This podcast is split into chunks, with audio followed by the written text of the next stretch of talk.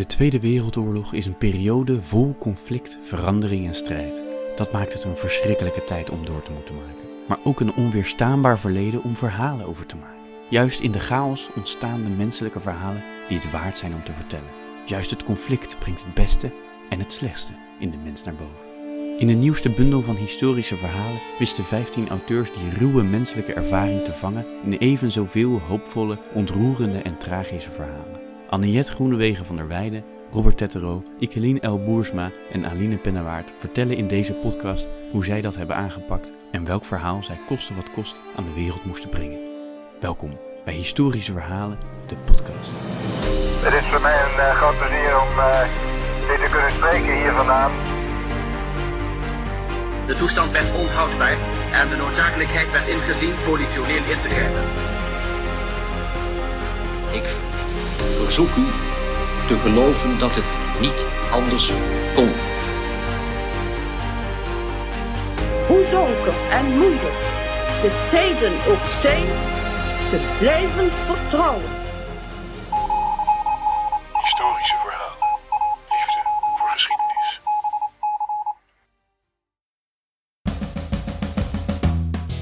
Welkom allemaal bij deze speciale aflevering van Historische Verhalen, de podcast. 13 november werd een nieuwe verhalenbundel gepresenteerd in boekhandel Broese in Utrecht met 15 korte verhalen over de Tweede Wereldoorlog. In deze aflevering praten we daarom met vier van de 15 schrijvers over hun verhalen, de historische achtergrond en hun schrijfproces. En dat doen we dit keer zoveel mogelijk zonder spoilers. Vergeet na het luisteren van deze aflevering de bundel niet te bestellen bij de webshop van Historische Verhalen of elke andere boekhandel. Ik ben Kei Tengeler en bij mij zit co-host en de man die met verhalenbundels geluidloos het verleden opgraaft, auteurs als helden op een voetstuk zet en vervolgens de boeken tot over de grens met onze zuiderburen over de toonbank ziet gaan, Rick van der Vlucht. Hey Rick. Hey, goedemorgen. Voor alle liefhebbers, in dat uh, stukje intro zaten referenties naar alle verschillende verhalen die we vandaag gaan bespreken. Wat knap. En ik me denk het allemaal complimenten zijn. ja, nee, ook. Ook, ook, ook, ook ja. ja, ja. tuurlijk. Uh, Rick, ik uh, zal even een resumeetje geven van het hele idee van deze podcast uh, vandaag. Yes. We hebben een verhalenwedstrijd gehad. Daar hebben we het al regelmatig hebben we die genoemd in de podcast. Er zijn meer dan 150 inzendingen geweest. Daar hebben we met een jury, met ons tweeën en Paul Christian Smith, hebben we de verhalen bestudeerd. 15 uitgekozen en die hebben een redactieproces doorgemaakt om uiteindelijk een plekje in deze bundel te vergaren. Een bundel over de Tweede Wereldoorlog. Uh, 13 november was de boekpresentatie in Utrecht en het verhaal is inmiddels uit. Uh, heb je daar nog iets aan toe te voegen? nee, volgens mij is het een mooie samenvatting. En het zijn 15 mooie verhalen geworden. Dus compliment aan alle auteurs. Zeker. Ja, ja iets waar ik mezelf altijd mee bezig hou, los van de inhoud en lettertypes en platspiegeling en dat soort zaken. is ook de omslag. Ja, het is een unicum voor historische verhalen. Ja, klopt. Normaal gesproken is omslag altijd een schilderij. Mm -hmm. En dat is eigenlijk een beetje typisch historisch verhalen geworden. Daar is een heel herkenbaar beeld. Maar deze keer niet. Deze keer is het een foto. Waar komt de foto vandaan? De foto komt uit een archief van een van de auteurs, van Aline Pennewaard. Zij heeft veel onderzoek gedaan naar dit tijdvak. En ze heeft een, geen idee eigenlijk, We gaan het er straks vragen. Klopt, klopt. Maar zoals ik het voor me zie, heeft ze een mapje met foto's, heel uitgebreid met tienduizenden foto's. En ik had aan haar gevraagd of ze misschien wat beeld had wat geschikt was voor een omslag. En toen kwam zij aan met deze afbeelding. En daar zien we eigenlijk twee Joodse zusjes, Johanna en Mirjam. Die komen uit Apeldoorn. En in 1943 zijn ze opgepakt, uit huis gehaald en gedeporteerd naar Westerbork. Vanaf daar zijn allemaal verschillende kampen gezeten om uiteindelijk in Auschwitz te eindigen en daar vergast te worden. Dus ja, het is, het is, geen, het is geen gezellig omslag. Nee. Dus ik heb er ook over, over nagedacht, ook om jou gehad, Kei, van is dit wat je moet willen als omslag? Zo'n best wel een hard beeld, maar tegelijkertijd ook een heel lievig beeld van twee meisjes die in een bloemenveld staan. Maar ja, ik denk dat het passend is. Het laat heel goed meteen de, de cruheid van de, van de oorlog zien. Ja, klopt, klopt. Het is denk ik een hele sterke omslag geworden. Wat ik sowieso heel mooi vind aan dit, dit tijdvak in deze bundel is dat het dus best wel kort geleden is. Nou, in ons geval, kijk, onze grootouders hebben de oorlog meegemaakt. Voor sommige ja. mensen zijn het de ouders zelf. En dat er dus foto's van zijn. En dat je die mensen echt in de ogen kan aankijken. Dat vind ik zelf echt heel bijzonder. Dat, dat Dat heb je normaal gesproken niet bij bundels van historische verhalen. Dat zijn toch abstracte figuren uit een ver verleden. Nou ja, dat zie je dus ook terug in de omslag. Dat je echt nou die twee meisjes in de ogen kan aankijken en daar van alles bij kan voeden. Ja, het is een uh, bundel geworden met uh, heftige menselijke verhalen. Het is uh, oorlog en een oorlog die we inderdaad ons nog goed kunnen voorstellen. Dus dat maakt het tegelijkertijd verschrikkelijk, maar ook onweerstaanbaar om over te schrijven. Een verhaal is toch gebaseerd op conflict, dat er iets anders wordt dan hoe het gisteren was of vanochtend was. Nou ja, dat gebeurt natuurlijk voorop in een oorlog. Maar in dat conflict kan je verhalen gaan opbouwen. En dat hebben auteurs heel, uh, heel kunstig gedaan. Dan zou ik zeggen, laten we de luisteraar niet langer in spanning houden en de eerste auteur gaan bellen. En wie is de eerste auteur? Aniette Groenewegen van der Weijden.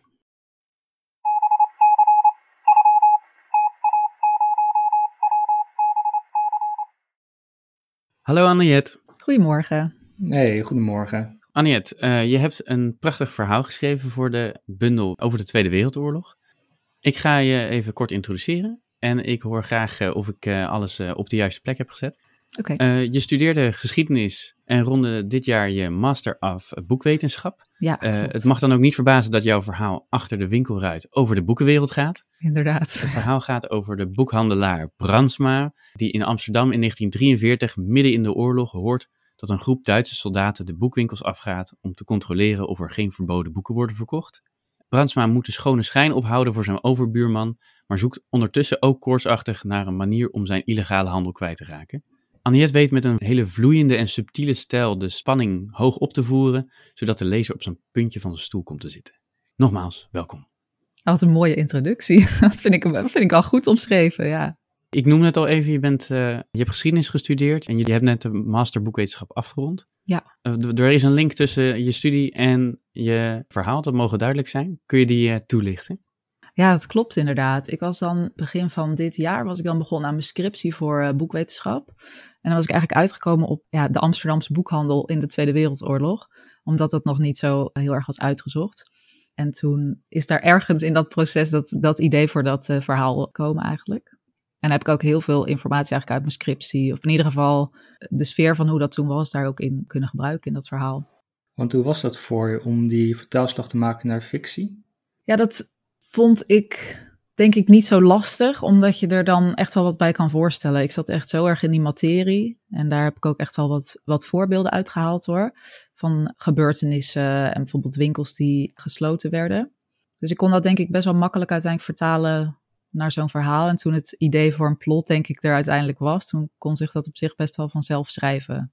Want hoe is dat gegaan? Je dacht, ik wil een verhaal schrijven, iets doen met wat ik uh, ook heb onderzocht. En daar ga ik een plot van bedenken? Of is het op een andere manier gegaan? Nee, dat is eigenlijk wel zo gegaan. Ja, ik, ik, ik had dat onderwerp voor mijn scriptie en toen dacht ik, ja, dat is natuurlijk echt superleuk om, om zo'n verhaal uh, over te schrijven. En toen wist ik al dat die wedstrijd ook uh, bezig was. Ik had eigenlijk eerst een ander verhaal geschreven.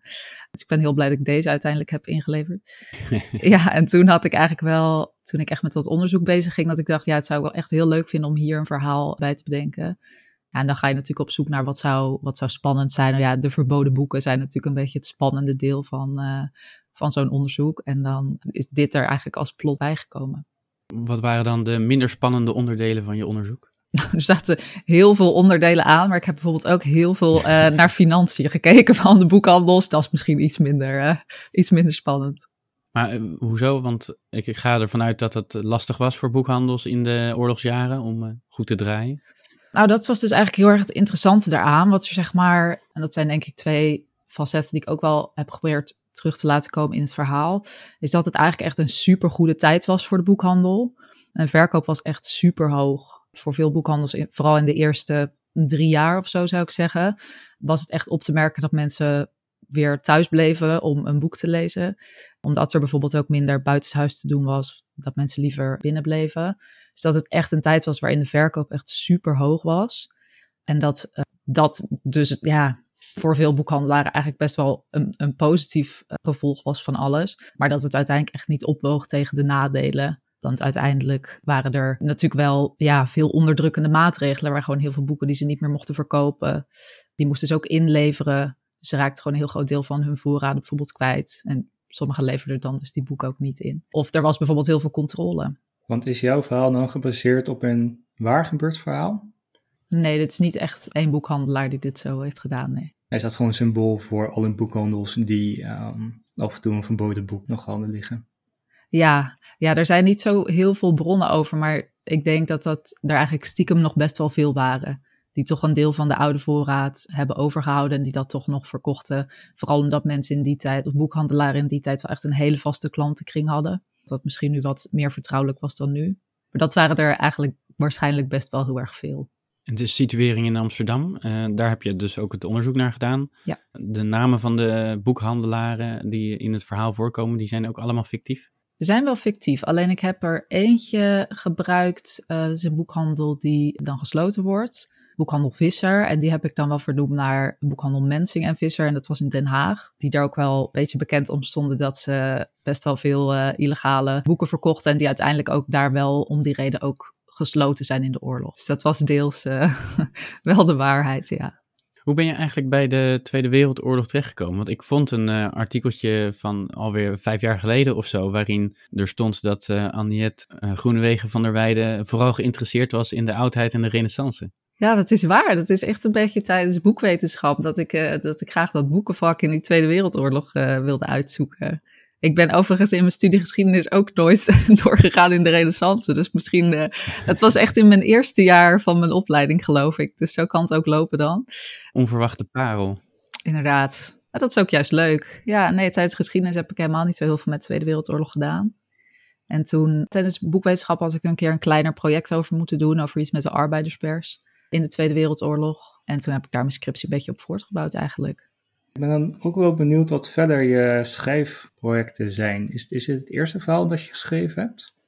Nee, dat niet zozeer. Ik doe al best wel lang. Uh, ik vind sowieso vanaf dat ik kind ben, vind ik dat wel heel erg leuk om te schrijven. En ik denk dat een beetje tijdens mijn studententijd dat ik er echt een beetje mee aan de slag ben gegaan. En toen heb ik ook best wel veel, best wel vaak een cursus gedaan bij Jeroen Windmeijer. Volgens mij heeft Ah, hij leuk. ook wel eens wat voor jullie geschreven. Ja, Klopt. hij heeft mij ook naar, de, naar deze wedstrijd gestuurd. Wat goed. ja, zeker. Ah. Dus echt, dat is echt wat voor jou, daar moet je echt aan meedoen. Nou, ik had tegen hem gezegd dat hij eh, mensen moest doorsturen naar eh, de wedstrijd. Nou, dat heeft hij dus trouw gedaan. En bij hem heb ik best wel wat cursussen gevolgd. En daar heb ik wel, ja, toen heb ik wel het gevoel gehad dat ik dat wat stappen in heb gemaakt. Nou, sprongen meer eigenlijk. En ja, ik doe als korte verhalen voor wedstrijden. Maar ook grotere dingen vind ik heel erg leuk. Ik vind bijvoorbeeld fantasy vind ik ook heel leuk om te schrijven. En vanuit de boekenbranche gedacht, in, in je studie ben je volgens mij ook bezig met redactie en uitgeven. Ja. Uh, nu zit je aan de andere kant. Hoe heb je dat ervaren? Ja, nu zit ik in een master tot, tot redacteur. Ik denk dat het ja, dat ik dan nu best wel veel leer over hoe je bijvoorbeeld het beste feedback kan geven of zo. En dan als je het zelf ontvangt, dan, dan snap je dat misschien wat beter, hoe moeilijk dat ook eigenlijk is om dat echt goed aan te pakken. En naar hoeveel aspecten van zo'n verhaal je eigenlijk wel niet kijkt. Want hoe was dat voor je om feedback te krijgen op je verhaal? Ik vond het eigenlijk heel leuk. Ik had verwacht dat ik dat best wel lastig zou vinden op zich kan ik wel met feedback omgaan, maar het is natuurlijk niet altijd leuk. Mm -hmm. um, vooral als je zelf iets heel goed vindt. um, en nee, dat viel me eigenlijk echt ontzettend mee. Maar juist ook door de manier waarop Paul dat deed. Paul is mijn redacteur. Mm -hmm. Vooral door de manier waarop hij dat deed. En dat vond ik echt super leuk om te zien. Dus ik denk dat ik daar dus voor mijn studie ook nog wel wat van heb geleerd. Want hij bracht dat altijd echt perfect eigenlijk. Waardoor je het uh, wel echt in je opnam. Waardoor je er wat mee deed. Maar doordat je eigenlijk, waardoor je eigenlijk nooit dacht van... Oh, dit, dit vind ik jammer om te horen of zo. Dat heb ik nooit gedacht. Nou, wat goed. Nee. En is ook wel eerlijk was hij hoor. ik heb wel zijn versie moeten verbeteren. En toen denk ik dat ik... Of misschien niet helemaal begreep wat hij wilde. Of toen had ik, me, ja, toen had ik er eigenlijk misschien iets te makkelijk uh, over nagedacht. En wat zinnen herschreven. En daar was hij dan ook wel heel eerlijk in. Dan zei hij, nou, hier heb je wel iets te makkelijk uh, gedaan. dat was wel, was wel eerlijk, ja. Mhm. Mm. En het was, maar het was ook wel echt zo. Dus ik, ik denk dat ik daar ook nog wel wat van meeneem. Niet alleen voor mijn eigen schrijfproces, maar ook mijn eigen redactieproces. Want waar zie jij jezelf staan over vijf jaar? Ben je dan zeg maar een bestseller-auteur of ben je ergens hoog in het boekenvak uh, de nieuwe directeur van een toonaangevende uitgeverij? Er mag het ook allebei. ik, weet niet, uh, ik weet niet of dat kan. Misschien is dat moeilijk te combineren, redacteur zijn en schrijver. Ik denk, ja, het schrijven blijft toch altijd best wel trekken. Ik moet zeggen, nu word ik opgeleid tot redacteur of uitgever of wat dan ook.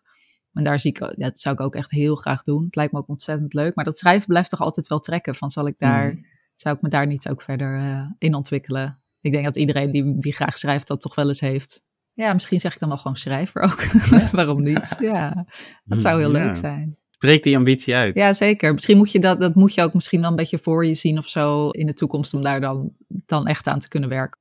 Dit wordt de eerste publicatie van mij, zal ik maar zeggen, in de, in de bundel. Dus dat is natuurlijk super leuk. Ja, en dat, dat motiveert natuurlijk ook weer verder. Ik denk dat dat Mhm. voor veel schrijvers die in de bundel komen wel geldt. Ik ken de andere schrijvers natuurlijk niet, dus misschien hebben zij al eerder wel gepubliceerd. Het zou kunnen. Maar ik denk dat dit soort dingen natuurlijk, dat is natuurlijk heel motiverend. Mhm. Heb je zin in om straks hem fysiek in je handen te hebben, dat, eh, de bundel? Oh, echt heel erg, ja. Ontzettend. Ook we zijn er natuurlijk best wel lang bezig, mee bezig geweest. Het was best wel een lang, eh, een lang proces. Wat ook prima was natuurlijk. Maar eh, ja, het is alweer best wel lang geleden dat je hoorde dat je in de bundel kwam. Dat is echt al even terug. Ik weet niet meer precies wanneer. Maar echt al begin dit jaar. Dus het is eh, ja, echt leuk dat ze er nu echt aan zitten komen. En ik wil ook heel graag die andere verhalen lezen. Daar, die ken ik natuurlijk nog niet. Mhm. Nee. Dus daar ben ik ook heel benieuwd naar. Ja. Ik zit ondertussen om me heen te kijken om te kijken waar het eh, proefexemplaar is. Oh, die heb jij gewoon al Die heb liggen. ik ergens liggen, maar ik weet niet zo goed waar. Ik wil hem graag laten zien, maar Slechte voorbereiding het dit, niet. ja. Dan zou de luisteraar hem toch niet zien. Dus dat... nee. En ik vraag me ook nog af, je had over dat je twee verhalen had en je hebt deze opgestuurd. Ja, Maar wat is het ander? Waar, waar gaat die over? Ja, dat is dus echt al best veel lang geleden weer dat ik dat geschreven heb. Dat ging volgens mij over een fotograaf die een. Ja, waar was dat nu ook? Er is ergens in de Tweede Wereldoorlog is er één bombardement geweest in Amsterdam. Volgens mij was dat een fout waar die uiteindelijk terecht is bij een of andere gracht uiteindelijk terechtgekomen. En er was één fotograaf best wel snel ter plekke en daar had ik dan een verhaal over geschreven.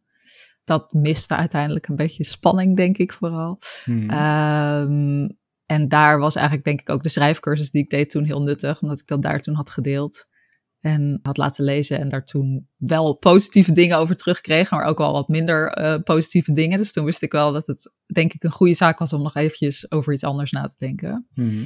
En ik denk dat toen ik dan dat verhaal idee had over die boekhandel, dat ik daarbij ook veel meer merkte dat dat zichzelf gewoon best wel schreef. Ik heb de eerste versie daarvan echt, ja, echt super snel geschreven eigenlijk. Dat kost me echt bijna geen moeite. En dat verhaal over die fotograaf, daar heb ik echt veel meer moeite mee gehad om te schrijven. En daar zat ik echt gewoon mee te worstelen. Ja, Mhm. wat gaat hij dan nu doen? En hoe zit dat dan allemaal in elkaar? Ja, dat is En dit ging eigenlijk een beetje vanzelf. Ja, en dat vind ik altijd heel erg veelzeggend over of het iets is of niet Mhm. of dat het, dat het leuk zou kunnen worden. En bij dit verhaal vond ik dat eigenlijk echt heel makkelijk. En dat had ik echt heel snel geschreven en dat andere niet. Het leuke van achter de winkelruit vond ik dat het inderdaad heel soepel loopt. Dus misschien zoals je, zoals je hem soepel kon schrijven, leest hij ook soepel. Maar dat geeft het een, een soort luchtigheid. Terwijl verder het onderwerp best wel zwaar is natuurlijk. Ja, dat is het ook wel. En het is tegelijkertijd ook nog spannend. Het is een hele bijzondere combinatie van, eh, van ervaringen voor de lezer. Nou, gelukkig maar. Ja, dat is ook eh, fijn. Dat was misschien ook al een beetje de, de bedoeling. Dus ja, fijn dat dat, eh, dat dat zo gelukt is. Ik heb wel zin om meer te gaan lezen van je. Nou, fijn. Ja? ik hoop dat iedereen dat heeft natuurlijk. Kunnen we nog iets van je verwachten bij historische verhalen?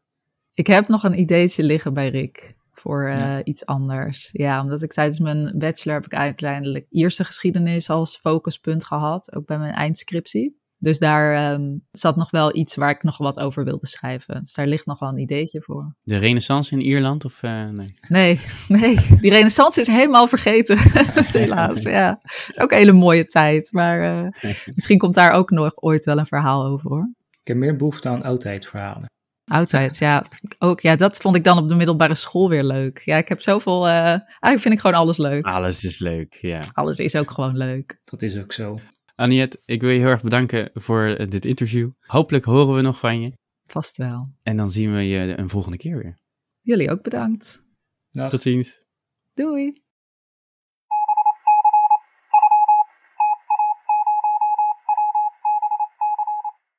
Hallo Robert. Hi, goedemorgen Kai. Hey, goedemorgen. Wat leuk dat je er bent. Ja, zeker. Ik vind het heel spannend. eh, ik zit er eh, helemaal klaar voor. Geweldig. Ja, ik heb begrepen dat we met een ervaren podcaster te maken hebben.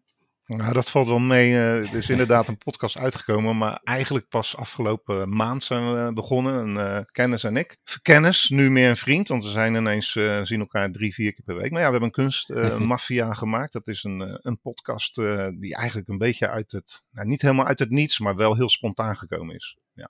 Dus ik zit daar middenin op dit moment. Daar gaan we je straks nog wat meer over vra- vragen. Ehm, ik ga je even introduceren. Volgens mij schrijf jij al langer korte verhalen en zelfs ook filmscenario's. Sinds 31 oktober ben je dus begonnen met de show Kunstmafia over roof, vervalsing en zwendel in de kunstwereld. Voor de bundel schreef Robert het verhaal Onder de Hemelboom over een doofstomme tempelbewaarder van een Chinees heiligdom in Indonesië. En de nieuwsgierigheid van deze tempelbewaarder wordt gewekt door Japanse soldaten die een groep witte mannen het moerasgebied in eh, vervoeren. Hij volgt de wagen en brengt daarmee zichzelf en het heiligdom in groot gevaar. Robert weet deze geschiedenis kleurrijk en aangrijpend te beschrijven, zodat de lezer geïntrigeerd en ontroerd het verhaal verlaat. Welkom. Dankjewel en eh, mooi gesproken. Nou, het is goed om eh, na al die tijd een eh, samenvatting als deze te horen. En, en lang over gedaan eigenlijk, want ik dacht natuurlijk dat ik het verhaal af had toen ik het opstuurde.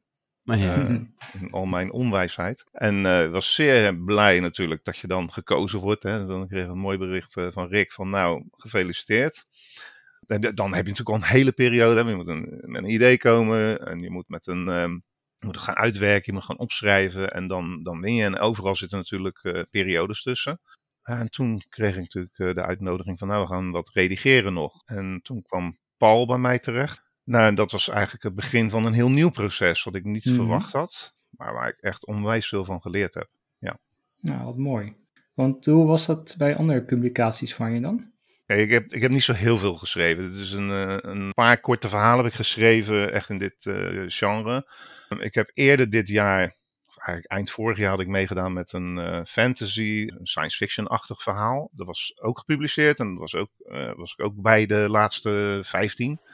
En er was geen redactie. En later las ik dat terug en toen dacht ik, ach, weet je, toch had ik nog een keertje doorheen mogen gaan voordat ik het opstuurde. dat gevoel.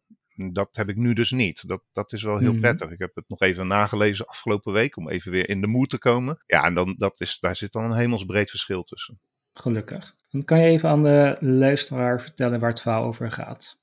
Ja, op hoofdlijnen gaat het dus eh, over een eh, best wel hele ernstige, af, af, afgrijzelijke geschiedenis eigenlijk in eh, Indonesië van de Tweede Wereldoorlog. Nederlands-Indië nog eh, toen de tijd, dat was nog steeds Nederlands bezit.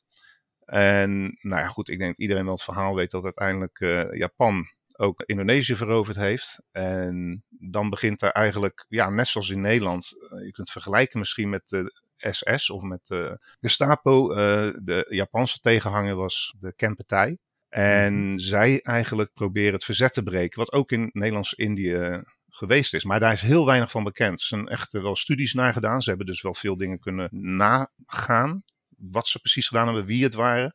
Maar er zitten enorme hiaten in. Zeker verder weg van de hoofdstad, Batavia toen de tijd. Nou, die mensen worden geëxecuteerd eigenlijk eh, met name uit Java en Batavia. Verzetstrijders, Nederlanders, Indiërs en Indonesiërs. En dat gebeurt op een geheime plek. Die, die Kempertij, die nemen ze na verhoor mee. En die gaan ergens het moeras in tussen de stad en de haven. Nou, daar zit een groot verschil in. In die tijd, tegenwoordig is dat één stad geworden. Maar toen was dat nog een heel ja, groot moerasgebied eigenlijk. En daar werden ze eigenlijk stiekem, hè, want het gebeurde dus niet openbaar of ergens gelijk naast dat, maar stiekem vermoord. En denkende dat niemand dat gezien heeft. Pas in 1945, 46, als uh, Indonesië bevrijd wordt, meldt zich een oude, bejaarde, doofstomme man. Hoe en, en waar precies weet ik niet, maar laten we ervan uitgaan dat het ook in dat gebied is geweest. Je ziet waarschijnlijk uh, militairen voorbij uh, komen. En die grijpt dat aan en begint te wijzen, want hij kan niet praten. Dan wijst hij zeg maar de graven aan die, die hij, nou ja, waar hij getuige van is geweest, van al die moorden die gepleegd zijn. Dus dat is, dat is een echte geschiedenis. Okay, okay. En daar heb ik dan het verhaal zeg maar uh, omheen gebouwd met de focus en de hoofdrol voor deze man. Ja, dat vind ik wel boeiend. Want ik dacht eigenlijk, je hebt jezelf heel erg moeilijk gemaakt met een doofstom personage. Ja. En dat is natuurlijk schrijftechnisch is dat super lastig om dat uh, goed neer te zetten. Maar het was dus gewoon een persoon die echt bestaan heeft. Ja, ja hij heeft echt bestaan. Zijn naam is niet bekend, maar hij wordt wel overal genoemd. In de publicaties hierover wordt altijd daar naartoe verwezen. Ik heb daar onderzoek naar gedaan. Ik, uh, ik heb in Indonesië gewoond een aantal jaar. Ik was dus in, uh, woonde in Jakarta. Ben daar dus ook geweest. Heb de beheerder van het is een officieel uh, ereveld gesproken. En ja, die waren eigenlijk allemaal wel verrast. Ja, we kennen allemaal dat verhaal. Iedereen weet dat er een doofstomme Chinese hoogbejaarde man aangewezen heeft waar deze mensen liggen. Verschillende graven. Uiteindelijk bleken het er 1200 mensen te zijn. Dus het is echt een massagraf. En niemand weet wie hij is. wat zijn naam is, waar hij precies vandaan kwam. Hij leefde daar waarschijnlijk. We weten wel dat het een tempelbewaarder was. Dus met die gegevens ben ik aan de slag gegaan, want ik vond het wel belangrijk. Of nou ja, zeker toen dit verhaal, deze verhalenwedstrijd naar voren kwam. Van ja, wat wil je dan doen? Dan, nou ja, dan was dit, dat sprong gelijk naar boven toe eigenlijk. Ik denk van, ik zou die man wel een gezicht willen geven en een, en een plek in de, in de geschiedenis. Uh, is hij een held? Dat weet ik niet, maar misschien zonder zijn hulp waren die mensen nooit teruggevonden. En hoe ben je dit verhaal dan tegengekomen? Ik um, woonde van 2015 tot 2018 in Jakarta. Werkte daar in de haven voor de Indonesische regering ook. Nou, ik woonde daar. Dan ga je natuurlijk tijd uh, allerlei plekken bezoeken. En ik heb natuurlijk ook een voorkeur, net zoals iedereen hier en waarschijnlijk ook die luistert voor geschiedenis. Nou, ik was enorm verheugd dat ik naar Indonesië kon, want het is natuurlijk een hele ja, sterke band met Nederland natuurlijk. Dus ik wilde daar wel zien hoe het centrum eruit zag. Alles bezocht. Kwam uiteindelijk op Menteng Pulo. Dat is zeg maar de grote militaire begraafplaats in Indonesië. Heel surreëel ligt dat. Het is ooit gebouwd naast het centrum van de stad. Uh, liggen duizenden, ik geloof iets van, nou, ik durf het aantal eigenlijk niet te zeggen, maar het zijn duizenden. Uh, graven, allemaal die witte kruisen, zoals we dat wel vaker gezien hebben. En dat, daar is nu een stad omheen gebouwd. Dus daar staan enorme wolkenkrabbers, gewoon en gerecht de, de, was hangt bijna over de graven heen. Dus dan maakt het heel surreëel. En daar wordt het nog elk jaar wordt daar de Indië-herdenking gehouden op uh, eh, 17 augustus. En ik woonde daar en dan word je uitgenodigd door mensen van de ambassade. Uh, als je je ingeschreven hebt als, als inwoner van Nederlands inwoner in Indonesië. Dan word je uitgenodigd en er was, uh, ja, dan komt er een minister vaak en wat hoge waardigheidsbekleders. En dan krijg je de herdenking. En daar hoorde ik op Menteng Pulo heel groot. Ze zei, ja, maar er is er nog een in, in, in Jakarta. En die lag precies naast de haven waar ik werkte. Daar reed ik hmm. eigenlijk altijd langs. Heel verborgen, dat uh, kon ik niet zien. Dus dat heb ik toen gepland. Ik ben erheen gegaan. Het is heel mooi, er liggen zo'n ongeveer 12, 1500 graven. Echt aan de kust. Dus het ziet er fantastisch mooi uit. Heel indrukwekkend. En daar kwam ik dus achter dat alleen maar geëxecuteerde mensen waren. Nou, en vaak als je daar komt kijken, dan komen ja, gastenboek mag je dan tekenen, maar er zijn meestal maar iets van 20, 30 mensen per dag die komen kijken. En dat ook nog in de vakantieperiodes. Vaak familieleden. Die, die eh, zeg maar een oom, een vader, een moeder, een opa, oma komen opzoeken. En dit was ook een plek waar heel veel vrouwen liggen eigenlijk van het verzet. En heel veel onbekenden. zat alleen maar geëxecuteerden op het graf. Dus, dus dat was een, een mooie plek. Toen hoorde ik voor het eerst het verhaal. Ik kreeg een brochure mee. Daar stond ook dit verhaal in van de oude Chinese man. Dus ik kwam terug een keer. En nou ja, hoe, hoe zit dat dan precies met die man? Wie was dat nu? Is er iets van te vinden? Er zal toch wel iemand met hem gesproken hebben. Er moet toch wel iets opgeschreven zijn. Nou, dat is niet uh, 1, 2, 3 terug te vinden. Ik heb contact gehad met het OGL. Dat is het uh, oorlogsslachtoffer nog iets stichting, oorlogsslachtofferstichting ja, van deze begraafplaats op dit ereveld. Ja, en ik kwam eigenlijk niet verder. Ze zijn wel overigens heel erg geïnteresseerd in de bundels. Die heb ik al aangekondigd, ja. want die willen ze graag uh, in hun eigen uh, archief hebben natuurlijk, of in een bibliotheek. Dus, dus ja, zodoende. En dus heb ik zelf het verhaal van hem moeten bedenken. Maar natuurlijk in de hele setting is waar gebeurd en, en uh, heeft plaatsgevonden. Ja. Wauw, wat een verhaal joh. Ja. En hoe ben je dan, of, je zei al, toen je deze schrijfwedstrijd tegenkwam, dacht je meteen aan dit verhaal? Nou, na, na dit hele epos uh, kan ik me dat goed voorstellen. hoe ben je dan het, de schrijfwedstrijd tegengekomen? Dat is een goede vraag. Zoals je eerder zei, van, ik heb al wat eerder wat verhalen geschreven. Ik heb ooit een boekje in Vlaardingen geschreven. Dat heet Vlaardingse Zagen en Legende. En uh, dat bestond namelijk nog niet. Dat is twintig jaar geleden geweest. En daar is eigenlijk altijd de drang en teruggekomen van ik moet nog wat meer schrijven. Ik schreef ook voor schoolkrant en dat soort zaken, maar niet echt professioneel. Dat was echt een, echt een uitgave die het uh, ook best goed gedaan heeft. Dus dat is ook historisch. Want in dat boekje schreef ik dus uh, samen met een verhalenvertelster op CD. En dan vertelde ik de verhalen en dan probeerde ik terug te vinden van wat is nou waar van die verhalen. Is het, nou, ligt er enige historische waarheid achter of zijn het allemaal verzinsels en, en ja. ja. zagen en verhalen zoals we die kennen uit het verleden. En dat triggerde altijd al mijn, uh, mijn interesse. Dus historische verhalen, ja, daar zoek je dan wel eens op. En nou ja, in historische verhalen kom je bij historische verhalen terecht. Ja, is een goede naam uh, die je gekozen hebt, Rick. Mhm.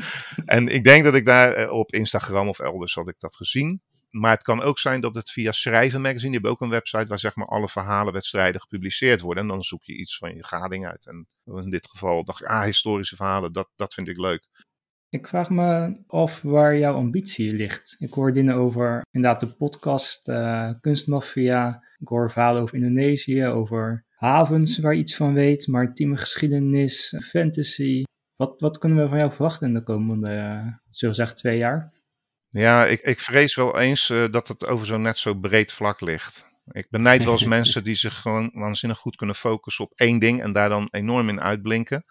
Ik heb een hele brede interesse, ook in muziek, in, in geschiedenis, in wat er vandaag in de wereld gebeurt.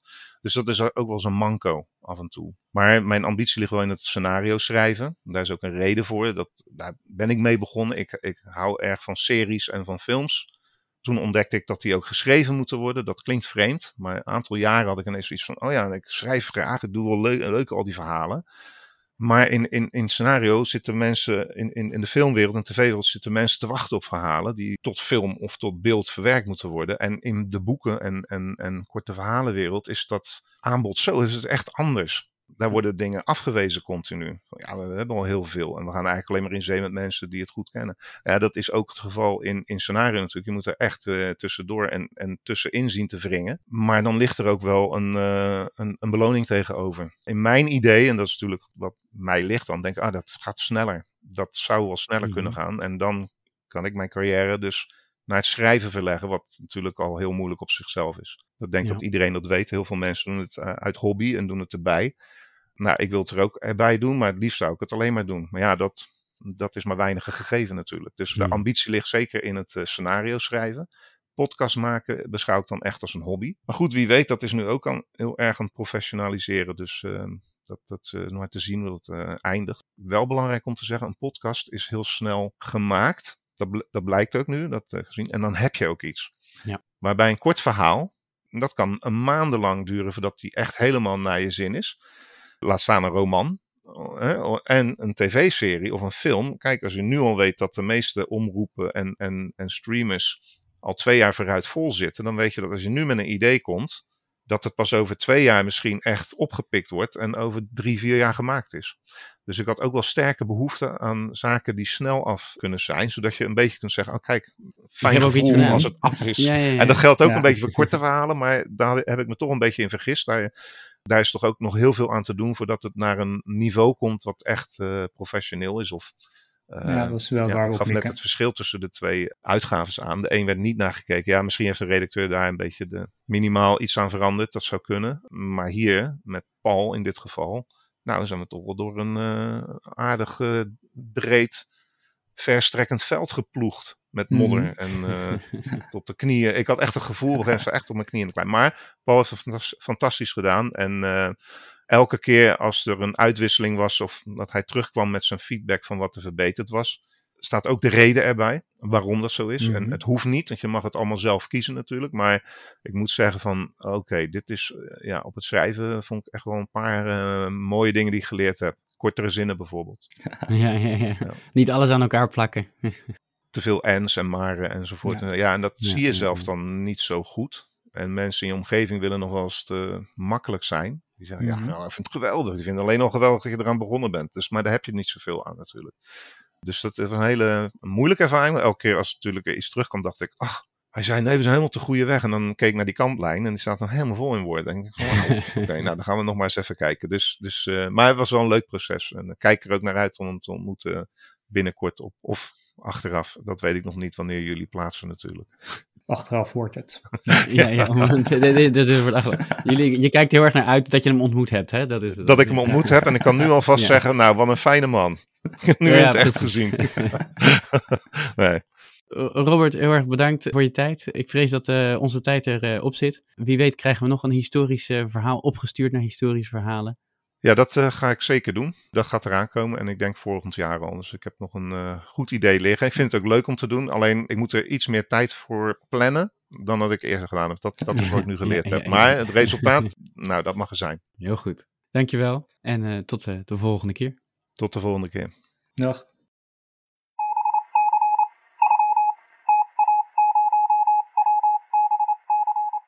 Hallo Ikelien. Hoi Kai.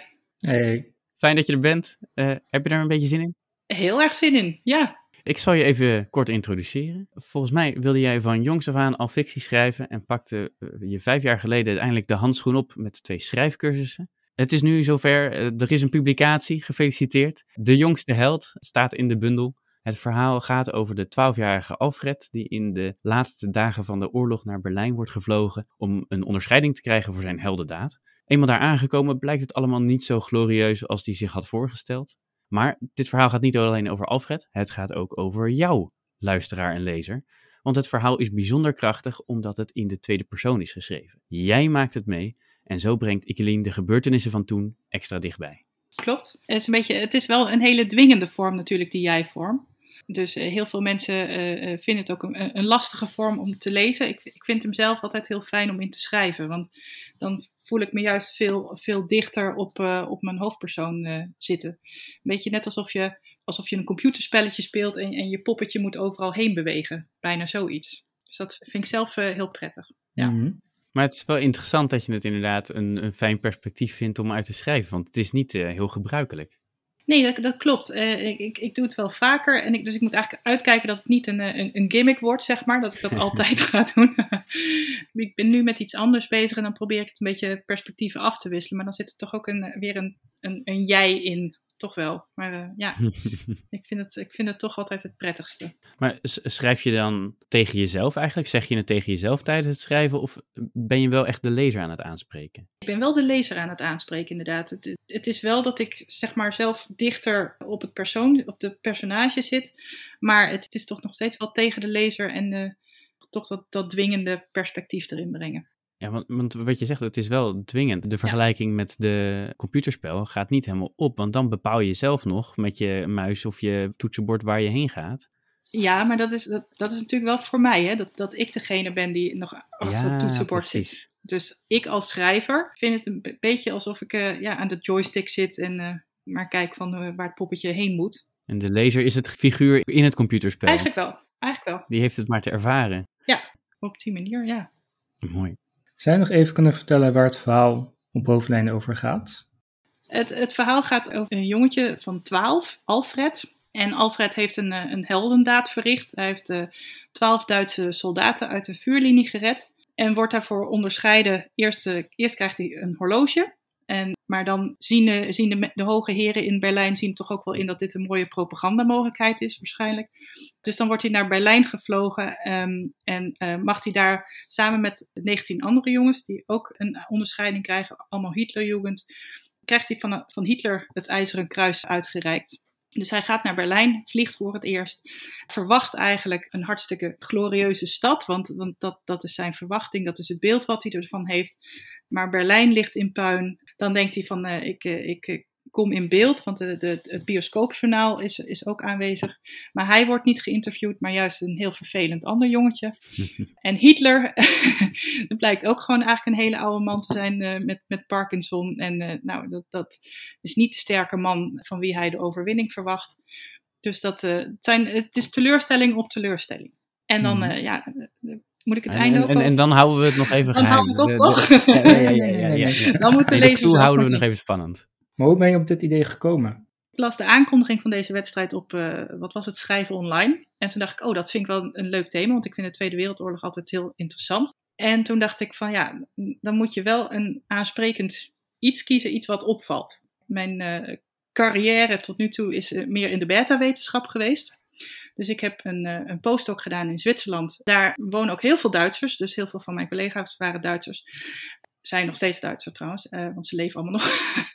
en we hebben, we hebben er ook wel vaker gewoon zo over gepraat. En dan, dan hoorde ik ook wel gewoon verhalen over hun opa's of oma's of ooms en tantes of weet ik veel.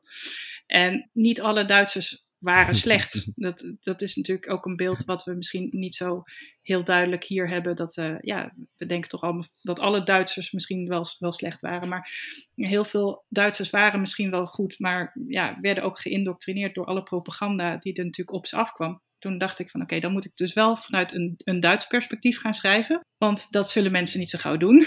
Uh, want ja, de meeste oorlogsverhalen, dan bekijken we toch vanuit het Nederlandse perspectief, vanuit het verzet misschien of iets dergelijks. Toen kwam dat in mij op van, oh ja, er was volgens mij ook nog een keer een uitreiking, had ik ooit gelezen van die, uh, dat IJzeren Kruis aan, uh, aan jonge jongens.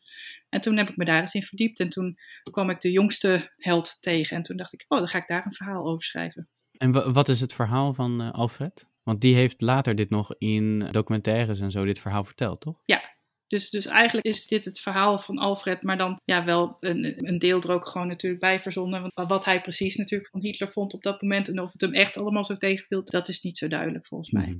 Ik zat net op te zoeken, want er stond iets van bij dat jouw verhaal als laatste was binnengekomen. Oh, dat Dus kan. ik ga het even opzoeken in de mailbox. Dat kan heel goed, Eh, ja. Het was een half uurtje voor de deadline. Ja, ja, ja, ja. Het ja. was niet het allerlaatste verhaal, maar wel een van de laatste. ja. En ik vroeg me af wat dat zegt over jou als auteur zijnde. Dat je, ja, nou dat is, eh, dat is een beetje hoe ik schrijf inderdaad. Want ik ben ook pas eh, die middag om één uur eraan begonnen oh echt? te schrijven. Ja, Wauw. dus ik heb het eigenlijk in één ruk eh, geschreven. En toen, nou ik was om, ik denk om acht uur klaar. En toen heb ik het even een tijdje nog laten liggen. Want ik dacht van ja, normaal zou ik het graag nog een volgende dag nog even lezen. Maar dat, die tijd had ik niet. En eh, dus uiteindelijk heb eh, om elf uur heb ik het nog een keer gelezen. En toen om half twaalf eh, inderdaad ingestuurd. Dat is echt heel erg knap. Want volgens Nou, mij was de eerste versie ook gewoon heel erg sterk. Nou, ik vind, de, ik vind de laatste versie natuurlijk van, want, eh, want eh, Kei heeft natuurlijk hartstikke veel goede, goede aanwijzingen gegeven. Dus eh, Mhm. het uiteindelijke verhaal vind ik nog, nog sterker geworden. Dus eh, ja. Dat is ook de insteek. ja, nee zeker. Gelukkig maar, ja. Ja. dus eh, ja, Maar was, was dit opzet? dat, ik doe dat wat vaker. Ja, ik heb wel wat druk nodig om te schrijven. Dat, dat was eh, in, mijn wetenschappelijke leven ook. Als ik eh, grants of, eh, of papers moest schrijven, dan deed ik dat ook altijd vrij kort voor de deadline. En dan tik ik het in één keer eruit. Maar dan heb je al het onderzoek al wel gedaan. Ja, ja, dan heb je het onderzoek wel gedaan, inderdaad. Dus dat had ik hier ook wel. Maar uiteindelijk, als ik nu naar mijn aantekeningen kijk, die ik wel gemaakt had van tevoren, dan, dan loopt het verhaal toch uiteindelijk heel anders dan, dan dat ik het in mijn aantekeningen bedacht had. Dat was eigenlijk ook, we, hebben een, een discussie gehad over, in de eerste versie stond bijvoorbeeld niet die hele reddingsactie die, eh, die Alfred gedaan heeft, eh, stond daar niet in. En eh, dat miste ik zelf ook wel, maar ik had daar op dat moment, kreeg ik het niet goed erin geschreven. En toen dacht ik, ja, ik, zoveel tijd heb ik ook niet meer. Laat ik het nu eerst maar zo doen. Is uiteindelijk goed gekomen. Uiteindelijk is het er wel ingekomen, dus dat is wel fijn. Want wat voor teksten schreef je normaal gesproken? Want je schrijft vaker, ook in dit perspectief. Ja, nou ja, goed, teksten wat ik altijd, wat mijn grootste ervaring is, is eigenlijk gewoon non-fictie. Want ja, als wetenschapper heb ik gewoon uh, wetenschappelijke artikelen gepubliceerd. Dus ik vond het, de historische achtergrond schrijven, vond ik ook eigenlijk heel, heel makkelijk. Dat ging ook helemaal in, in, in anderhalf uur zo, zo erdoor. um, ja, ik schrijf wel vaker. Ik moet zeggen, de laatste tijd heb ik er niet zoveel tijd voor. Ik heb dus twee schrijfcursussen gedaan en ik, ik, heb een, een idee voor een boek. En ik heb ook met een schrijfcoach erover gepraat. Die vond het ook een tof idee. Um, het idee voor mij was om dan aan de NaNoWriMo dit, deze maand mee te doen, de National mm -hmm. Novel Writing Month. Mm -hmm. En ik had dan tot nu toe al, ik weet niet hoeveel, bijna 10.000 woorden moeten schrijven. Ik zit op 1000. Dat vind ik al heel knap. maar die tijd heb ik nog niet zo gehad. Maar dat, dat, het, het boek, moet er nu wel, uh, boek moet er wel komen. Dus dat, uh, dat, daar ga ik ook echt mee aan de gang. Maar er zijn zoveel andere dingen de hele tijd tussendoor dat, uh, dat het even nog op een laag pitje staat. Want de NaNoWriting Month, dat is dat je wordt uitgedaagd om elke dag iets te schrijven, toch? Ja, de, de National Novel Writing Month is dat je eigenlijk aan het eind van de maand zou je dan 50.000 woorden geschreven moeten hebben. Maar je mag ook je eigen doel stellen, toch? Of is dat een soort ja, ja. van de, de flauwe versie ervan? Nou, dat is misschien wel de flauwe versie inderdaad. Want uh, als je de 50.000 haalt, dan krijg je een, uh, een sticker, volgens mij. wow. Daar doe je het voor. Uh, daar doe je het voor, inderdaad. Uiteindelijk is het, maakt het niet uit of je nou die 50.000 haalt of niet. Tenzij je echt heel graag die sticker wil. Maar goed, uh, het is meer het doel voor jezelf. En dat je dus ook ja, het schrijven echt tot een, tot een gewoonte kunt maken. En waar gaat het boek over? Ja, dan, dan ga ik toch weer terug in het heden. En dan ga ik toch over een, een wetenschapper schrijven die uh, een, een Faustian bargain aangaat. Dus een soort van Oh. Dr. Faust verhaal. Dus niet autobiografisch, hoop ik? nee, wel wat autobiografische trekjes, dat vast wel. Maar nee, dat is, ik heb nooit een Faustian bargain gesloten. Nee. Waar komt die drive om ook fictie te schrijven vandaan? Ik heb altijd heel veel gelezen. En ik kreeg toen ik 12 was, kreeg ik Little Women van uh, Louise May Alcott. Mm -hmm. En uh, ik heb me altijd heel erg geïdentificeerd met Joe March. En Joe March die ging ook uh, een boek schrijven. Toen dacht ik, dat wil ik ook. Toen was ik 12. En dus, dus dat was toen altijd mijn idee van, ik ga dat nog een keer doen. En dus toen heb ik vijf jaar geleden inderdaad maar gewoon een keer gekeken van, goh, kan ik eigenlijk wel gewoon ook fictie schrijven? En dat vond, vond ik wel heel leuk. Dus vandaar dat ik nu staat mijn wetenschappelijke carrière staat op een laag pitje. dus dan denk ik, nu, nu kan ik misschien wel eens eh, een keer die omslag maken, kijken of ik dit eh, leuker vind. Oké. Maar ik moet ook weer zeggen dat ik met die historische achtergrond, toen merkte ik ook weer van ja, ik vind non-fictie schrijven toch ook wel weer fijn. Omdat het toch makkelijk gaat. Maar het een hoeft de ander niet uit te sluiten, toch? Dat is waar. Nee, dat is ook zo. Dus dan ga ik, eh, ga ik bekijken wat het wordt. En deze geschiedenishoek dan? Maar misschien wil je dan wel eh, een moleculair biologische uh, fictie schrijven. nou ja, ik heb, ik heb, ik heb wel eens uh, gedacht inderdaad van, ik zou nog wel graag een keer een verhaal schrijven over, um, over de Lavoisier, Antoine de Lavoisier, en zijn ontdekking van de, mede-ontdekking van de zuurstof. En ook omdat hij toch ook een belangrijk persoon was binnen La Ferme, in de, in de tijd net voor de Franse revolutie, en ook in de Franse revolutie onthoofd is dat leek me nog wel eens interessant om daar uh, over na te denken. En ik dacht, Mhm. misschien is Rick geïnteresseerd. Kom maar met een goed voorstel. nou, Uh, ik ben degene die je hebt uh, begeleid bij dit uh, proces. Hoe heb je dat ervaren? Want je hebt een verhaal ingeschreven, je hebt gewonnen. Je bent helemaal blij dat dat gelukt is. Vervolgens was het toch nog niet klaar.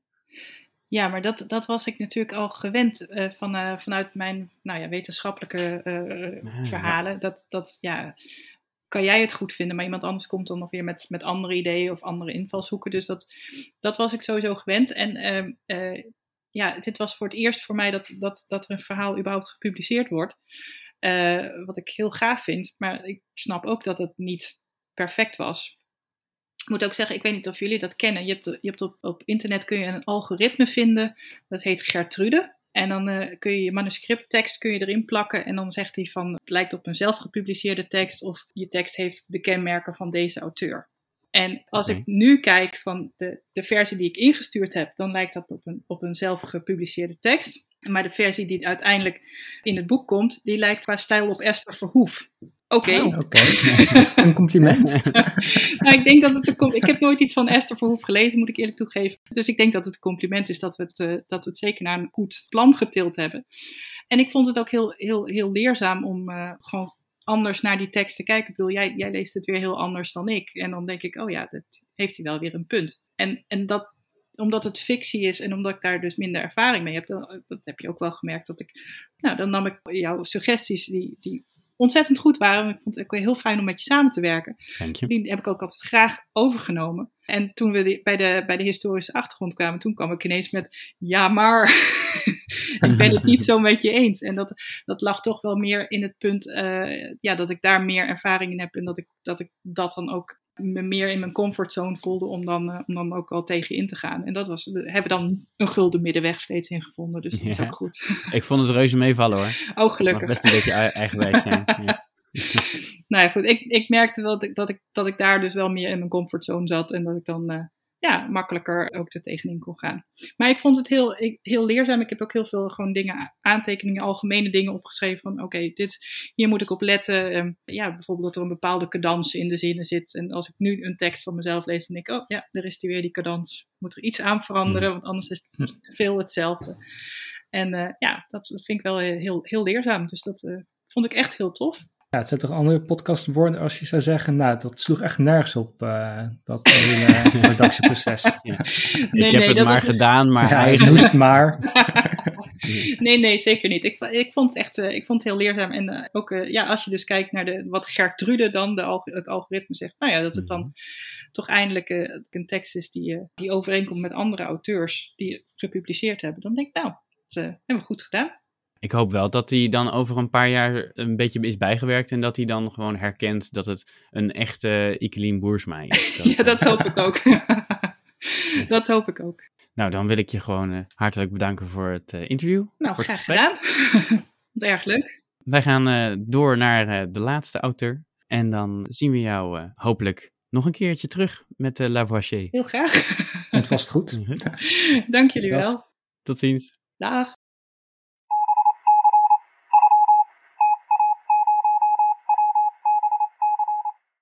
Hallo. Hi. Hey. Welkom Aline. Dank je. Ja, leuk dat je er bent. Hoe gaat het? Ja, goed. Goed. Net weer terug in het land, dus uh, ja, ik zit er helemaal klaar voor. Waar kom je vandaan? Om daar maar meteen even naar te vragen. Ik ben eergisteren teruggekomen uit Israël, waar ik een documentaire heb gefilmd over eh, de Refuseniks. Refuseniks, dat zijn Joden die in de Sovjet-Unie woonden en die in de jaren 70 en 80 geen toestemming kregen van de Sovjet-overheid om naar Israël te emigreren, wat ze wel heel graag wilden. En ja, Refusenik, dat is eigenlijk een beetje een Russische verbastering van geweigerden. Hè? Dat zijn dus mensen die een uitreisvisum hadden aangevraagd, eh, bij wie dat geweigerd was. En nou ja, goed, dat, dat had eh, ook hele nare sociale gevolgen. betekende dat mensen hun baan vaak verloren. Dat, eh, nou ja, dat ze last kregen bij hun studie. Dat hun kinderen last kregen. Gewoon bij het überhaupt onderhouden van hun dagelijks leven enzovoort. En je baan kwijtraken was niet alleen een probleem omdat je dan geen inkomsten had. Maar ook met name omdat parasitisme, werkeloosheid. Het werd parasitisme genoemd in de Sovjet-Unie. En dat was een strafbaar feit. Wat dus vaak tot gevolg had dat mensen daarvoor opgepakt werden. En dus een aantal jaren de cel eh, in verdwenen vanwege dus parasitisme. Ja. En er is in Nederland, eh, zijn er in de jaren 70 en 80 flinke acties gevoerd eh, door onder andere het Solidariteitscomité van Rabijn Soetendorp. En die hebben mij dus ook gevraagd of ik een boek wilde schrijven over eh, wat, er, wat er toen de tijd allemaal gebeurd is. En dat heb ik gedaan. En daar komt ook een documentaire van. En we zijn dus de afgelopen twee weken in Israël geweest om daar interviews voor te doen. Wauw, en met, met mensen die nabestaanden zijn? Of met mensen die het zelf nog hebben meegemaakt? Ja, echt mensen die zelf Refusenicks zijn geweest. We hebben drie Refusenicks geïnterviewd. Ik, ik mag je nog niet verklappen wie, dat moet je in de documentaire maar zien. Maar we hebben drie Refusenicks geïnterviewd. We hebben een aantal Nederlanders ook geïnterviewd die inmiddels in Israël wonen en die nou, nabij betrokken waren bij die acties van destijds. En wij hebben ook overheidsmensen geïnterviewd van destijds de Israëlische overheid, die dus ook heel veel met dat Refusenik-vraagstuk te maken hadden, om het ook van die kant een beetje te belichten. Oké. Dus dan raken we al meteen eh, de Tweede Wereldoorlog en al je andere activiteiten in de geschiedschrijving. Ja, Daar gaan we zo verder over praten, maar eerst ga ik je even goed introduceren nog. Je schreef namelijk het verhaal De Laatste Reis van Adolf Fischoff. Naast al je non-fictie die je al had staan. Maar vanwege al die non-fictie mag het ook geen verrassing zijn dat er veel onderzoek schuil gaat achter dit fictieverhaal. Het verhaal gaat over Adolf Fischoff en vertelt over zijn bijzondere levensgeschiedenis als vluchteling uit Polen en asielzoeker in België in de jaren voor en tijdens de oorlog. Het verhaal is volledig gereconstrueerd met behulp van zijn persoonlijke dossiers uit Antwerpen en Brussel. Dus als er één auteur het verleden leven in heeft geblazen, dan ben jij het wel. Aline, nogmaals welkom. dankjewel. Wat is jouw achtergrond? Je zei al, je bent met een documentaire bezig, je hebt uh, non-fictieboeken geschreven. Waar kom je vandaan? Ik, eh, ik ben historica, officieel holocausthistorica, maar dat, dat trekt ook wel iets breder door naar nou ja, algemene moderne Joodse geschiedenis, zeg maar. Maar met name de holocaust, Tweede Wereldoorlog, dat is mijn vakgebied. En nou ja, dat is tot nu toe ook wel al mijn publicaties over zijn geweest. Documentaire heb ik ook nog gemaakt samen met Willy Lindwer over de treinreis. En ja, dit was eigenlijk mijn eerste fictie-uitstapje, zou ik maar zeggen. Dat, dat is een, een nieuw uh, gebied voor mij. Omdat alles natuurlijk tot nu toe altijd non-fictie is geweest. En uh, ik kwam het, het verhaal van Adolf tegen toen ik zijn vader onderzocht voor mijn komende boek. En van hem ook een vreemdelingendienstdossier vond in Antwerpen en Brussel toen ontdekte ik ook het dossier van Adolf, die dus zijn zoon bleek te zijn, maar die ja, eigenlijk buiten de scope van dat boek valt. Waarvan ik wel dacht van jeetje, dat, het is wel een heel interessant dossier. Ik heb het wel gefotografeerd en allemaal meegenomen. En toen vond ik dus in het dossier van Adolf ook een referentie naar Rose. Nou ja, dat dossier heb ik ook opgevraagd, heb ik ook meegenomen. En ja, ja toen ben ik dat dus Rose thuis is een van de personages in het uh, verhaal. Klopt, klopt. Het is de verloofde van Adolf inderdaad. En toen ben ik thuis dus die, uh, die dossiers gaan lezen. En toen dacht ik, jeetje, dit is eigenlijk ook wel een heel heftig verhaal allemaal. En, en ja, hier moet ik eigenlijk ook wat mee. Maar ik wist niet zo goed wat. En, en ja, het, het was eigenlijk net te, te, weinig voor echt een boek of een artikel of, of echt iets uitgebreids. Maar ja, er was ook wel weer zoveel dat je, dat je wel dacht, ja, het, het is wel een, een hoeveelheid waar je iets mee kan. En nou ja, ik weet, alsof het zo moest zijn, kwam dit dus langs, die wedstrijd die kwam dus langs op, op Facebook, terwijl ik jullie helemaal nog niet volgde. En toen dacht ik, hé, hey, nou, hier kan ik eigenlijk wel iets mee doen, dus over de geschiedenis van Adolf. En nou, toen ben ik aan het schrijven geslagen op uh, kerstavond. Wat mooi. En hoe was die stap dan voor jou om van non-fictie naar fictie te gaan? Nou, wel best, best wel wennen in het begin. Ik, ik, schreef vroeger als kind en als tiener wel fictie, maar dat, ja, dat, dat is heel lang geleden en ik heb daar ook echt gewoon heel lang al niks meer mee gedaan. Ik, ik vond het wel wennen in de zin van, het kwam er bij mij allemaal wel redelijk vloeiend uit, weet je, want die fantasie die zit er op zich wel. Maar in dat redactieproces, en dat heb ik natuurlijk met jou gedaan, Rick, Mhm. eh, was het wel echt heel vaak dat, dat Rick dus tegen mij zei van, ja, je moet hier toch wat meer praten over hè, zijn emotie en wat er in hem omgaat en wat hij ja. denkt en wat hij voelt. En, en zonder dat je heel erg feitelijk gaat zitten zijn. Ja, dat was natuurlijk ook een stukje beroepsdeformatie waaraan je echt wel kon zien Ja, dat ik altijd in de non-fictiehoek zat. Dus dat was af en toe echt wel even een stap.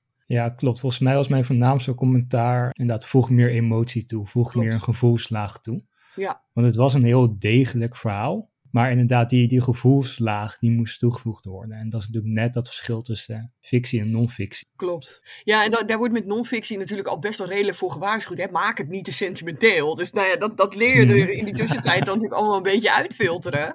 En dan hier is het ineens de- dat ik zoveel toe moest voegen dat ik bijna dacht, nou, wordt het niet een beetje over de top, weet je wel? Dus dat die balans moet je dan weer helemaal opnieuw ontdekken. Ja. Maar volgens mij heb je dat heel kunstig gedaan. Sowieso als je bij alle wijzigingen die ik voorstelde, van voeg iets van emotie toe, deed dat volgens mij heel ehm, kunstig. Ja, het was ook even wennen, maar dat zeg ik toen jij, toen jij op een gegeven moment zei van, nou, hier moet het komen en daar moet het komen. Weet je, jij, jij wees ook echt die plekken aan waarvan je zei, nou, hier wil ik echt iets meer emotie zien, weet je wel. Omdat jij natuurlijk veel meer met het oog van de lezer kijkt dan dat ik dat doe. En eh, toen dacht ik wel van, oh, ja, ik zie nu wel waarom hij dat wil. Dus ja, to- toen was het in die zin ook meestal wel vrij makkelijk om te beseffen van, nou, ja, hoe zou ik me gevoeld hebben als ik in zijn schoenen stond op dat moment. En dan kun je natuurlijk heel makkelijk Mhm. dat contact wel leggen in je hoofd, die verbinding. Kun je een stukje vertellen over waar het over gaat? Nou, Adolf die is geboren in Krakau als enige zoon eh, in een gezin van vijf kinderen. En het gezin is toen hij nog jong was naar eh Chemnitz verhuisd in Duitsland. En daar heeft hij zijn jeugd doorgebracht, daar is hij opgegroeid. Daar is hij uiteindelijk op jonge leeftijd ook met justitie in aanraking gekomen wegens diefstal en verduistering. Een aantal gevangenisstraffen uitgezeten en nou ja, best wel een geschiedenis. Toen hij uiteindelijk dus op het punt stond om zijn leven te gaan beteren, toen, nou ja, toen kwam Hitler aan de macht. Toen veranderde alles in Duitsland. En ja, toen stond hij eigenlijk weer met niks en ook niet heel veel kansen meer om überhaupt nog wat op te gaan bouwen. In werkelijkheid is hij later gevlucht dan in het verhaal. Maar ja, het verhaal mocht vanaf 1939, dus ik moest het een beetje opschuiven. maar in werkelijkheid is hij, eh, is hij eerder gevlucht dan in het verhaal. En is hij dus voor 1938 is hij al naar, naar België gegaan, illegaal dat wel. En zijn vader, die is dus na de Kristalnacht in november 38 pas gevolgd. Maar dat verhaal heb ik voor hier buiten beschouwing gelaten, omdat het anders wel gewoon echt heel rommelig werd met al die personages. Ja. Dus ik heb me eigenlijk vooral gefocust op het verhaal van Adolf. Nou ja, al die gevangenkampen die hij gehad heeft, al die tegenslagen, die uitzetting, dat hij terug is gestuurd naar Duitsland. Dat hij jaren heeft geprobeerd om met Rose te kunnen trouwen, eh, wat niet gelukt is. Dat staat gewoon allemaal letterlijk één op één ja, in die dossiers. En dat, dat, is gewoon, dat zijn gewoon allemaal waar gebeurde feiten. Wat zijn dat dan voor dossiers waar je doorheen zoekt? Dat zijn dossiers van de Vreemdelingendienst. Die zijn in België eh, op grote schaal bewaard gebleven. In Nederland trouwens ook nog best aanzienlijk. Dat ligt bij het Nationaal Archief hier. In Antwerpen en Brussel liggen ze bij de lokale archieven. En die zijn dus allemaal bewaard gebleven. Die zijn dus aangemaakt op het moment dat een vreemdeling, zeg maar, iemand van buiten de Belgische grenzen naar België kwam. En zich daar dus meldde om zich in te laten schrijven. En vroeger moest je je dan in laten schrijven bij de Vreemdelingenpolitie. En dan werd er dus een, een meldingsformulier werd er aangemaakt. En, en vanaf dat moment begon dus die dossiervorming. Nou, daar zitten vaak ook foto's in van mensen. Het is voor heel veel eh, buitenlandse Joden is het eigenlijk de enige manier om nog een foto van ze terug te vinden. Hè, dat soort dossiers, dat is natuurlijk goud omdat eigenlijk ja, van, van de persoonlijke familiepapieren en foto's en albums en dat soort dingen, die zijn gewoon allemaal vernietigd toen, toen hè, veel van die mensen gedeporteerd werden. Dus voor heel veel familieleden is dat ook nog de enige manier geweest om na de oorlog een foto terug te vinden van mensen die dus eh, de oorlog niet hadden overleefd. Heftig. En nou ja, buiten een foto staan daar ook nog allerlei andere gegevens in. Waarom iemand naar België is gekomen in dit geval. eh, wat de achtergrond is geweest in het land van herkomst. Familierelaties, andere relaties. Heel vaak staat er op die voorkant dan eh, dos- dossiers geschreven van de mensen met wie die persoon een link had. Hè. Ouders of andere familie die ook in België was. Nou, zo heb ik Duke Rose gevonden. Zo heb ik uiteindelijk ook de vader van, van Adolf kunnen vinden en die link tussen hun kunnen leggen. Van zijn zussen zijn er ook nog een aantal in België geweest, maar die, die zijn uiteindelijk voor de oorlog nog doorgereisd naar toenmalige Britse mandaatgebied Palestina. Dus die zijn op tijd weggekomen.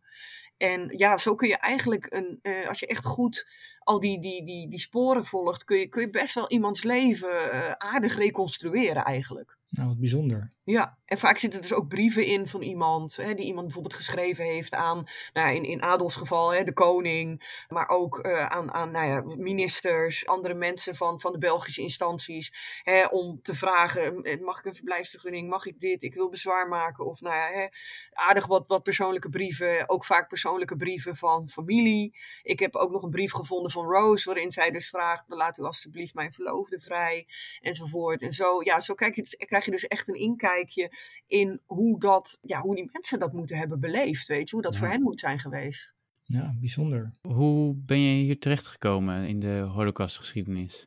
Oeh, dat is echt al heel lang geleden. Ik, ik ben als kind eigenlijk al geïnteresseerd geraakt in die Holocaust. Ik denk dat ik een jaar of acht was toen ik het dagboek van Anne Frank las en, en een spreekbeurt moest doen op school. Dat heb ik ook over de oorlog gedaan. En uh, ja, die oorlog, dat is eigenlijk vanaf dat moment een soort rode draad geweest die, die eigenlijk door mijn leven loopt. En, en waar ik me in ben gaan verdiepen en waar ik meer over wilde weten. Uh, boeken gelezen, films gezien, van alles en nog wat gedaan. Toen was ik begin twintig. Toen ben ik foto's gaan verzamelen van gedeporteerde en omgekomen Joodse kinderen. Later ben ik daardoor Guus Luiters over benaderd. En toen hebben wij samen aan het boek In Memoriam gewerkt, waar ik dan de beeldredactie van heb gedaan. En vanaf dat moment was het voor mij eigenlijk heel duidelijk van nou, ik, ga hier gewoon echt in verder. En de, tot, tot dan toe was dat eigenlijk vooral ja, wat, wat amateur-historicus-achtig geweest. En vanaf dat moment heb ik gewoon mhm. ook echt gezegd van nou, ik, ik ga dit gewoon professioneel doen. Dit is gewoon echt mijn missie, weet je wel. Om die, die onvertelde verhalen boven water te krijgen. Die mensen een gezicht terug te geven. Het digitaal monument kwam toen ook net op in uh, joodsmonument.nl. Waarin, waarin dus iedere omgekomen Jood die in Nederland eh, woonde bij het uitbreken van de oorlog zijn eigen pagina heeft. Waarop je dus ook allerlei informatie kan toevoegen, foto's kan toevoegen, zodat je dus echt iemands verhaal kan reconstrueren. Dat iedereen die dus in de komende jaren dan op die pagina komt, precies kan lezen van hé, hey, maar dat is er met hem of haar gebeurd, weet je wel. En zo haal je dus eigenlijk een persoon als ah, het ware een beetje terug uit die, die, die grote massa, snap je? En dat is natuurlijk het doel van, van alles. Ja. Dat is een mooie missie. Uh. Zeker, mhm. ja, een lange ook. ja, weet je, ik, ik, ik vind het gewoon heel mooi wat ik doe. En ik denk ook wel dat, dat, ja, dat, dat mensen dat zien. Dat ze wel gewoon zien van, nou, er zit echt een drive achter. En dit, dit doet ze echt omdat, het, omdat, ja, omdat ze vindt dat dat het juiste is, weet je wel. En mm. ja, als ik rijk had willen worden, dan had ik wat anders moeten gaan doen. dat is duidelijk natuurlijk. Dan mij wat. ja. ja. De foto van de omslag, die komt uit jouw archief vandaan? Klopt. En ik vroeg je om uh, wat achtergrondinformatie. En volgens mij is je echt binnen 20 minuten een hele mail gestuurd met, het is het, vijf alinea's tekst. Dat ik zelf dacht, nou, dit gaat wel een heel klusje worden om uit te zoeken. En ik hoop dat ik binnen een week antwoord heb. en ik had echt binnen, nou ja, binnen 20 minuten en ik vroeg me af wat voor magie heeft daar uh, plaatsgevonden. Nou, dat, dat is vaak ook wel een beetje. Ja, het is, het is ook vaak beroepsdeformatie. Hè? Ik bedoel, ik zit hier al zo lang mhm. in en zo vaak in dat bij bepaalde data, hè, sterfdata bijvoorbeeld, kan ik vaak al zien van, oh, dat is waarschijnlijk zus en zus en zo gegaan. Dan ga je op een gegeven moment in de archieven kijken of dat jouw gedachtegang inderdaad klopt. Hè? Of je die bewijzen kunt vinden die dat staven. Nou, in, in 9 van de 10 gevallen is dat zo. En je weet mhm. natuurlijk ook van heel veel stadjes en plaatsen een beetje wat de, ja, de grote lijn zeg maar, is geweest in die deportatie van de lokale Joodse gemeenschap. Gewoon simpelweg omdat je daar al zo lang in zit. En nou, wat je ook heel vaak ziet, is dat moeder en de kinderen allemaal dezelfde overlijdensdatum hebben. En dat vader vaak later is. Nou, dan weet je, hè, dat komt hier en daardoor. Dus voor mij was het ook niet zo'n uitzoekerij als dat het voor jou, zeg maar, zal hebben geleken toen je mij die vragen stelde. Ja, nee, dat kan me goed voorstellen, ja. We zaten al te filosoferen over, uh, heb jij dan een uh, enorme archiefkast staan met al die foto's waar je voor bent gaan staan en dacht, oh, wat zou nou een mooie foto zijn voor de omslag? Nee, ik wist meteen dat die het moest zijn. Ik heb wel inderdaad een enorme computer, allemaal schijven en, en, en nou ja, cloud waar alles gebackupt staat en zo, dus dat wel. Maar uh, toen Rick mij vroeg van een suggestie voor de omslag, toen wist ik meteen dat het deze foto moest zijn. Waarom? Omdat die foto mij destijds, toen ik, toen ik in Memoriam maakte, echt bij is gebleven. En Rick vroeg mij ook heel specifiek van, nou heb je een foto waarin in één oogopslag duidelijk wordt dat dit Tweede Wereldoorlog is. Dat dit zich afspeelt tijdens die oorlogsjaren. Nou, dat, dat, dat, dat zie je natuurlijk met die foto onmiddellijk. Hè? Die twee meisjes in dat bloemenveld. En dan gewoon ja, die hele schattige jurkjes. En dan bam, die enorme ster. Want het is natuurlijk gewoon een ster ja, in volwassen formaat. En ja, voor zo'n kleintje bedekt dat bijna dat, dat, dat hele borstje, weet je wel, op die jurk. Dus dat, ja, dat Mhm. komt ontzettend binnen. Die ster springt echt van die foto. En ja, ik, ik dacht echt, als er één foto is waarop je meteen onmiddellijk kan zien dat, dat, dat het zich in de oorlog afspeelt, ja, dan is dit hem. Ja, het is een ijzersterk beeld. Ja. Dus ik ben er erg blij mee. Dank je. Ik denk dat hij echt heel sprekend is, weet je wel. En, en Ja. ja. dat, hij, dat die mensen ook wel trekt. Dat, dat je denkt, "Huh, wat is dit, weet je wel. Je Even kijken. Mhm. En dan, ja, weet je, omdat het gewoon zo'n Ja. ja. binnenkomende foto is, zeg maar. Klopt, klopt. Is je uitstapje naar de fictie zodanig bevallen dat je het nog een keer gaat proberen? Nou, dat sluit ik niet uit. Dat de komende projecten die ik dus op de planning heb staan voor, voor dit jaar, volgend jaar, dat is tot nu toe weer allemaal non-fictie. Dus ja, hè, dat, dat, in die hoek zit ik nou eenmaal. Maar nee, ik sluit zeker niet uit dat ik, dat ik dit nog vaker ga doen. Maar eh, ja, ik, dan moet er gewoon weer wat langs rollen, weet je wel. Dat Adolf was eigenlijk ook gewoon toevallig. Dat ik gewoon dacht, jeetje, hè, zo loop ik eigenlijk meestal tegen mijn projecten aan, hoor. Je, je tilt een paar stenen op en er komt weer van alles onder tevoorschijn. En dan denk je, oh ja, hier moet ik eigenlijk ook wat mee doen. En ja, dat rolt dan zo. Dus de- Mhm. dat moet natuurlijk ook nog even gebeuren. Maar ik, ik sluit zeker niet uit dat ik in de toekomst nog een keer met fictie aan de gang ga. Hoewel mijn hart wel echt ligt bij non-fictie en waar gebeurt. Dat moet ik wel toegeven. Nou ja, als je nog een mooi verhaalidee hebt, dan ehm, kan je hem altijd mailen. En ik Zeker, vraag me nog een zeker. af of je nou je non-fictie iets, hoe zou ik dit verwoorden? Fictievoller gaat maken. Ja, ga je non-fictie nu fictievoller maken nu je een beetje geproefd hebt aan hoe mooi en leuk fictie kan zijn? Nou, dat, dat is vaak redelijk riskant. Want eh, in een van mijn boeken, van Kleermaker tot Capo, heb ik ook wel wat toegevoegd. Hè? Op een gegeven moment wat hij moest hebben gedacht en wat hij moest hebben gevoeld. Wat je dan natuurlijk naar de omstandigheden en de feiten die, het, die je te zien krijgt, een beetje in kan vullen. Maar mijn uitgever heeft toen ook wel echt gezegd, ah, weet je wel, dan, dan word je ook wel echt op de vingers getikt van, hey, je kan niet in gaan zitten vullen. Dus dat, het, het luistert vaak ook heel nauw, hè, van nou, wat kan ik wel invullen? Wat is gewoon echt zo overduidelijk? Of Mhm. wanneer ga je, ja, hoe zeg je dat, erbij zitten verzinnen? Want je wil ook niet dat je lezer aan het einde van het boek zegt van nou, ik vond het een mooi verhaal, maar ik, vind, ik vond het heel lastig om te onderscheiden wat nou feit was en wat nou fictie. En dat stoort Ja. mij persoonlijk altijd heel erg als ik historische fictie lees, weet je wel. Dan- Ja, dan staat erop, nou, waar gebeurt verhaal? Dan denk ik, ja, hoeveel procent van het verhaal Ja. is nou eigenlijk waar gebeurt en hoe, ja, waar loopt die lijn dan, weet je wel? En dat wil je voor je lezer ook niet. Ja, daarom zijn de historische achtergronden ook zo mooi. Ja. Omdat je precies aangeeft wat is feit, wat is fictie, waar loopt inderdaad die scheidslijn. Ja, kijk, en bedoel, natuurlijk weet ik niet eh, of Adolf daadwerkelijk al die dingen heeft gedacht en gezegd op het moment dat hij met Rose in die, in die treinwagon zat richting Auschwitz. Maar ja, je, je kan natuurlijk wel een beetje invullen hoe die sfeer daar moet zijn geweest. Inmiddels natuurlijk zoveel getuigenverklaringen en dergelijke gelezen, dat je daar echt wel een plaatje bij hebt. Dus die vrijheid mag je dan met de historische kennis die je hebt wel nemen. Maar wat daar echt Mhm. gezegd is en, en hoe ze zich echt gevoeld hebben, ja, dat, dat zul je nooit weten. Nou, dan eh, wachten we nog maar in, eh, in spanning af of er, eh, of er nog een verhaal onze kant op komt. Ja, nou, dat- zeg ik. Ik sluit het zeker niet uit. Aline, heel erg bedankt voor je bijdrage Graag gedaan. en eh, tot een volgende keer. Tot de volgende keer. Dag. Doeg! Dit waren Aniette Groenewegen van der Weijden, Robert Tetro, Ikkelien L. Boersma en Aline Pennewaard, die allemaal een verhaal schreven voor de bundel over de Tweede Wereldoorlog. Hopelijk heeft deze podcast je nieuwsgierig gemaakt naar de besproken en onbesproken verhalen die in deze bundel staan. Wil je nou als een echte verzetstrijder het fascistisch grootkapitaal te lijf gaan door de beoefening van cultuur en geschiedenis te ondersteunen? De bundel is 13 november verschenen en is nu te bestellen in de webshop van Historische Verhalen of bij elke andere boekhandel. Vergeet ons ook niet te volgen op Twitter, Facebook en Instagram. En dan zeg ik tot de volgende keer bij de volgende normale aflevering van Historische Verhalen, de podcast. Tot ziens.